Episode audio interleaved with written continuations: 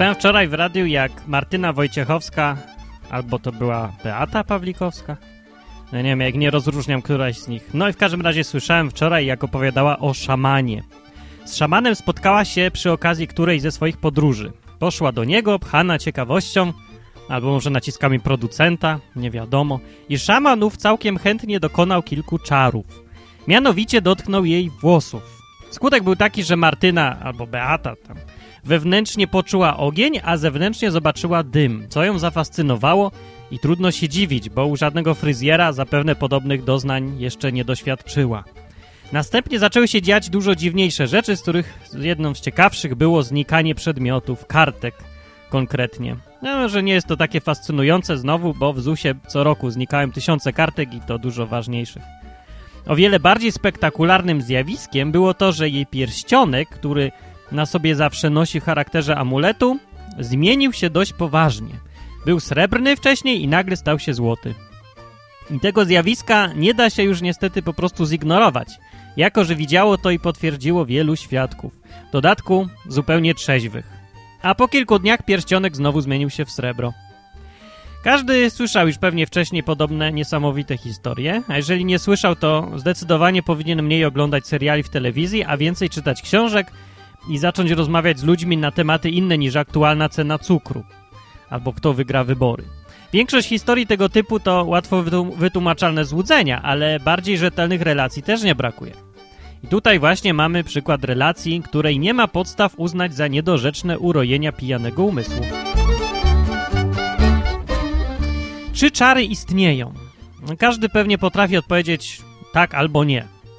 Sęk w tym, że odpowiedzi na to pytanie szuka się nie tyle przez analizę faktów, co przez religijny dogmatyzm. I tak, religijny katolik powie, że istnieją, bo tak mówi Kościół. Religijny chrześcijanin ewangeliczny powie, że owszem istnieją, bo tak mówi Biblia. Z kolei religijny ateista powie, że nie istnieją, bo tak mu mówi Dawkins. A, ale przecież to nie jest coś, czego nie da się zbadać, sprawdzić i zmierzyć. Dlaczego więc nie zastosować starej, dobrej metody, czyli użycia mózgu? Zdaję sobie sprawę, że to trudniejsze, ale za to o ileż ciekawsze. A jakie zabawne błędy można po drodze popełnić?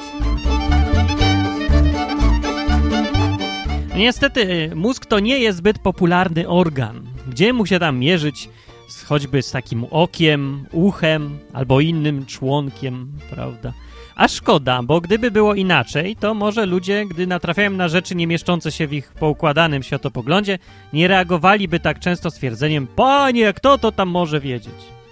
No, trzeba przyznać, że takie stwierdzenie jest cudownym ratunkiem w każdej sytuacji, gdzie się czegoś nie rozumie i rozumieć nie chce. Panie, kto to wie?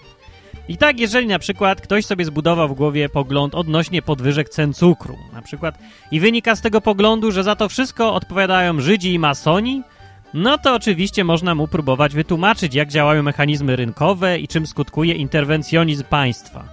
Wtedy jednak ów wierzący człowiek, wierzący oczywiście w masonów i Żydów, może poczuć, że jego światopogląd zaczyna się walić z hukiem.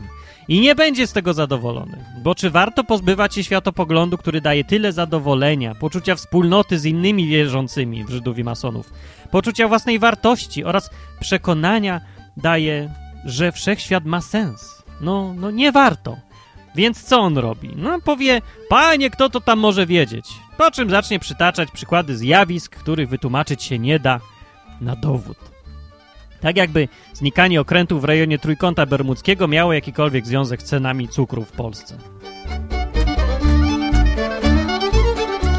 W razie jednak, gdyby człowiek dobrotliwie tłumaczący mu zasady ekonomii robił to zbyt jasno, prosto i przekonująco, no zawsze zostaje jeszcze ostateczne rozwiązanie. Okrzyk Panie z TVN-u. I to już rozwiąże każdy problem ostatecznie i można dalej spokojnie nie myśleć. Oczywiście każdy ma własne ostateczne rozwiązania, bo religijny ateista krzyknie na przykład idź pan poczytać Dawkinsa. Nie? Albo prześle 15 linków do filmików z YouTube, które jego akurat zwolniły z samodzielnego myślenia, więc innych pewnie też zwolnią. No cóż, religijni ludzie są naprawdę przewidywalni, zwłaszcza ateiści. Osobiście nie mam powodów wątpić, że relacja tej podróżniczki z wizyty u szamana jest prawdziwa. I podobnie jak prawdziwym problemem nie jest to, czy Bóg istnieje, ale to jaki on jest, Tak samo tutaj prawdziwym problemem nie jest pytanie, czy czary istnieją, ale jak to wszystko działa. I to jest niestety, panie, pytanie o wiele trudniejsze i o wiele ważniejsze.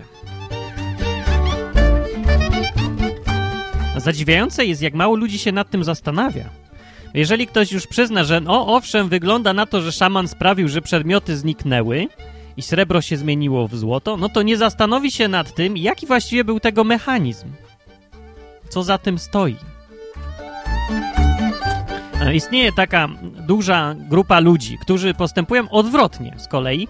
Ich pasją jest analizowanie różnych nadprzyrodzonych, niezwykłych, ciekawych zjawisk. Zbierają więc wszystkie możliwe materiały, zdjęcia, czytają wywiady i chcą wiedzieć wszystko, co tylko się da. No tylko, że ich problem polega zwykle na tym, że nie wyciągają z tego żadnych wniosków, nie formułują żadnych własnych opinii i nie mają żadnego zdania na ten temat. Własnego. Jak człowiek, który kolekcjonuje motocykle, a sam nie umie jeździć na rowerze. Coś takiego. Jak zapytasz takiego, co to jest UFO, to zacytuję ci, jakie zdanie na ten temat ma pięciu różnych ekspertów. Jak zapytasz, czy wierzysz w duchy, to przedstawi rzetelną, dwugodzinną analizę różnych hipotez. Jak kucharz, który zapytany o to, jaka jest jego ulubiona potrawa, mówi: Nie wiem, ja tu tylko gotuję. Są to ludzie, którzy po prostu chcą być ekspertami. To ludzie, którzy szukają uznania innych ludzi, a nie odpowiedzi na ważne pytania. Bo wiedzę mają ogromną, a odpowiedzi żadnej. No to co siedzi w tych czarach? Co jest źródłem znikania przedmiotów, zmienianiem się srebra w złoto, niespodziewanych doznań, zmian, stanów świadomości? Na pewno nie ludzie. Te zjawiska nie mieszczą się w tym, co może wytłumaczyć fizyka, chemia i wszystko, co wiemy o świecie materii. Człowiek jako fizyczna istota nie ma możliwości takiego wpływania na fizyczną rzeczywistość, nie? Więc musi to być coś z zewnątrz. Szamani zawsze twierdzili, że to, co robią, nie robią sami z siebie, ale coś lub ktoś trzeci działa w nich lub przez nich. Jedni mówią, że to moc, inni, że energia, jeszcze inni, że to jakieś osoby. Miło by było, gdyby to rzeczywiście była jakaś bezosobowa siła. Bezosobowa siła jest bezpieczna, bo przy odpowiedniej wiedzy człowiek zawsze będzie mógł ją kontrolować. Wiele osób tak właśnie widzi mechanizm stojący za tymi wszystkimi czarami. Bioenergoterapia, na przykład, sama nazwa sugeruje tutaj istnienie bezosobowej energii, którą biologiczny, materialny człowiek jest w stanie kontrolować. No, miło by było, tyle że to nieprawda. Jak uczy historia, najłatwiej kontroluje się ludzi, kiedy stworzy się w nich przekonanie, że to oni mają kontrolę. Tak jak na przykład w reklamach kredytów, gdzie się mówi, to ty masz kontrolę nad tym, jak szybko spłacasz raty. No i czy człowiek, który spłaca kredyt, może powiedzieć, to ja kontroluję sytuację? Czy to raczej bank kontroluje człowieka, sytuację? Czy wyborca, na przykład, który do wyboru ma tylko dwie partie, przykładowo, które proponują mu dokładnie to samo, może powiedzieć, że to on ma kontrolę, bo przecież to on ich wybiera? No, nie ma żadnej w rzeczywistości, ma tylko złudzenie kontroli. Skoro więc ten mechanizm działa skutecznie w świecie materialnym, to dlaczego miałby być inaczej w świecie pozamaterialnym? Tu nie trzeba tłumaczyć nic Biblią ani Dawkinsem. Wystarczy obserwować, kojarzyć i wyciągać wnioski. To z wiedzy o świecie materialnym wynika, że szaman nie może fizycznie zmienić srebra w złoto. To fakty każą przyznać, że wszystkie cuda, czary, czary zjawiska nadprzyrodzone, czy jakie się tam chce nazwać, mają swoje źródło poza światem materii. To z obserwacji wynika, że im dłużej człowiek zajmuje się tego typu śliskimi rzeczami, tym bardziej ewidentne staje się, że to nie on kontroluje energię, to energia kontroluje jego. I łatwo zgadnąć dlaczego. Dlatego, że to nie jest żadna energia, tylko osoba. A dlaczego osoba miałaby oddawać innej osobie kontrolę nad sobą za darmo? Bez powodu. Byłoby to tak nonsensowne jak bank, który nie żąda spłaty kredytu, tylko rozdaje. A jednak ludzie wciąż wierzą, że osoba, która jest źródłem mocy, oddała nad sobą kontrolę za darmo. Ta pozamaterialna osoba. Tak po prostu oddała. Wszystkie dawne ludy uznawały istnienie świata duchowego nie dlatego, że były prymitywne i głupie, te ludy, ale dlatego, że potrafiły obserwować i wyciągać wnioski. To my jesteśmy prymitywni i głupi, bo wbrew wszystkiemu, co wiemy i co widzimy, czego się nauczyliśmy i dowiedzieliśmy o świecie, nie chcemy uznać istnienia świata pozamaterialnego. Albo też uznajemy jego istnienie i traktujemy te zjawiska z kolei jak jakąś bajkę o królewnie Śnieżce, gdzie rzeczy dzieją się bo tak. Bez żadnych logicznych zależności, przyczyny, celu ani zasad. Bez osób, które za tym stoją i mają swoje założenia, dążenia i cele. Taki po prostu Harry Potter. Machasz patykiem, wyseplenisz coś po łacinie i się naczynia same zmywają. Nikt nie pyta skąd wiedzą, gdzie jest brudne i jak odkręcić wodę. Po prostu jest. Się zmywa i już.